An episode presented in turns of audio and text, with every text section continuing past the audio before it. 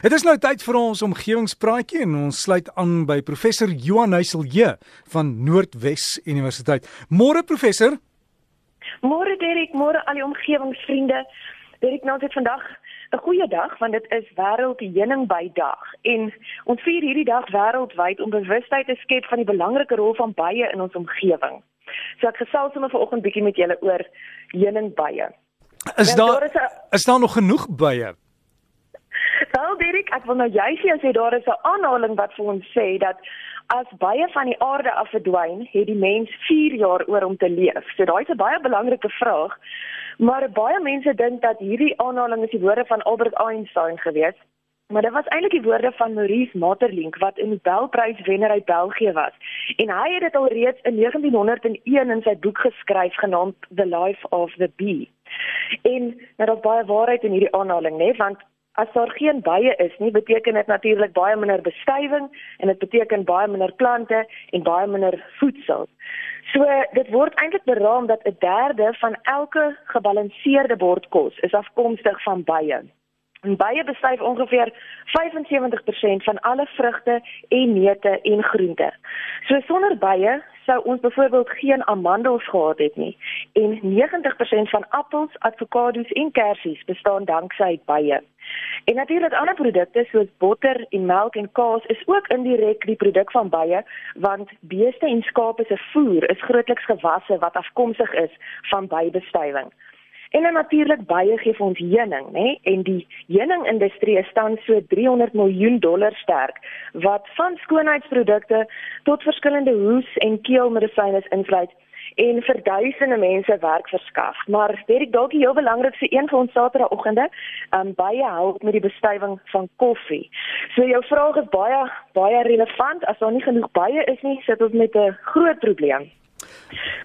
Ja, maar wat ons nou ook sien Ekskuus, ekskuus professor, ek het ek is terug terug het ek in een van hierdie groot kweektonnels gegaan en gesien die mense het het baie wat hulle letterlik kweek om te kom help in hierdie kweektonnels om die, om die plante te bestuif. En hulle letterlik roteer die bye, so hulle sit hulle neer en gaan haal dit weer as hulle klaar die werk gedoen het. Ons sien klomp inisiatiewe wat mense nou regtig probeer om die bye te help om beter en meer effektief te bestuif en die rede is dat sedert 2006 het ons gesien dat die aantal bye elke jaar afneem en in sommige jare tot 'n 30% afname. En um, op die oomblik volgens die Verenigde Nasies se navorsing staar 'n verskeidenheid byspesies uitsterwing in die gesig. Nou die afname of die rede vir hierdie afname van die byspesies kan hulle nou nog nie met 100% sekerheid sê nie. So daar's baie navorsing wat wys na klimaatsverandering as die oorsaak, maar 'n groot deel word toegeskryf aan die toename van plaagdoders in ons omgewing.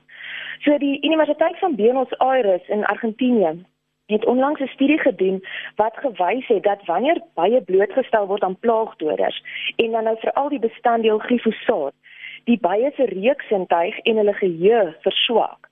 So hulle kan nou nog nie met sekerheid sê dat die glifosaat die mortaliteit van die bye beïnvloed nie, maar ons sien dat dit definitief die bye se gedrag beïnvloed en dan hulle vermoë om hulle pad terug te vind na die byekorf. So aan die een kant sit ons met hierdie wêreldbevolking wat groei en voedselsekuriteit wat al hoe belangriker word en aan die ander kant is ons byspesies aan die afneem. So die vraag is dan eintlik wat kan ons doen om ten spyte van hierdie afname in die aantal heuningbye steeds genoeg voedsel te voorsien? En dis net presies wat jy sê een van die voorbeelde wat die mense nou doen om heuningbye te help. Maar ek het nogal 'n interessante uh, ander oplossing gekry hierdie week van my plaaslike navorsing wat hier aan die NWU gedoen is om nou nou juist die heuningby spesies te help. En in kort was die antwoord ons moet die heuningbye help sodat hulle bestuivingsdoeltreffendheid verbeter. So met ander woorde, al is daar minder bye, moet ons hulle help om meer plante en meer gewasse te bestuif om dan nou meer voedsel te voorsien. En hierdie antwoord het gekom uit 'n studie wat gedoen is deur Nadine Skutte. Nou sy is een van die omgewingswetenskapstudente um, en haar studieleiers professor Johnny van der Berg en professor Stewa, uh, Stefan Sieber. Maar hulle het gesien dat heuningbye baie meer effektief bestuif wanneer daar wilde bye in dieselfde area voorkom. Want basies wat gebeur, hierdie wilde bye pla dan nou vir die heuningbye. So die heuningbye moet baie meer rondbeweeg tussen die plante en tussen die gewasse en in hierdie proses bestuif hulle baie meer effektief. Maar hulle het nou ook gesien dat binne in sonneblomlande daar 'n kleiner verskeidenheid byspesies voorkom as byvoorbeeld in die grasvelde langs die sonneblomlande. So dit beteken dat bestuiving in die sonneblomlanderye nie so optimaal is nie want daar is geen wilde bye om hierdie heuningbye in die sonneblomlande te pla nie. So as ons dan nou die bestuivingsdoeltreffendheid in die sonneblomlande wil verhoog, dan moet ons dus nou meer wilde bye na hierdie sonneblomlande toe lok. En dan is die vraag natuurlik, hoe lok 'n mens die wilde bye? So die universiteit, die Sterling Universiteit van die Verenigde Koninkryk het 'n studie gedoen wat gewys het ons kan wilde bye lok deur veldblomme langs ons gewasse te plant, omdat veldblomme 'n groter verskeidenheid bye lok wat dan nou ons bestuivingsdoeltreffendheid sal verbeter. Dit is so ja, lang storie maar in kort, veldblomme is een van die antwoorde om ons heuningbye te help. En ook as jy by die kwekerye draai maak kyk na die plante met daai daai tekentjie of dit sê dit is byvriendelik of dit gaan die bye lok.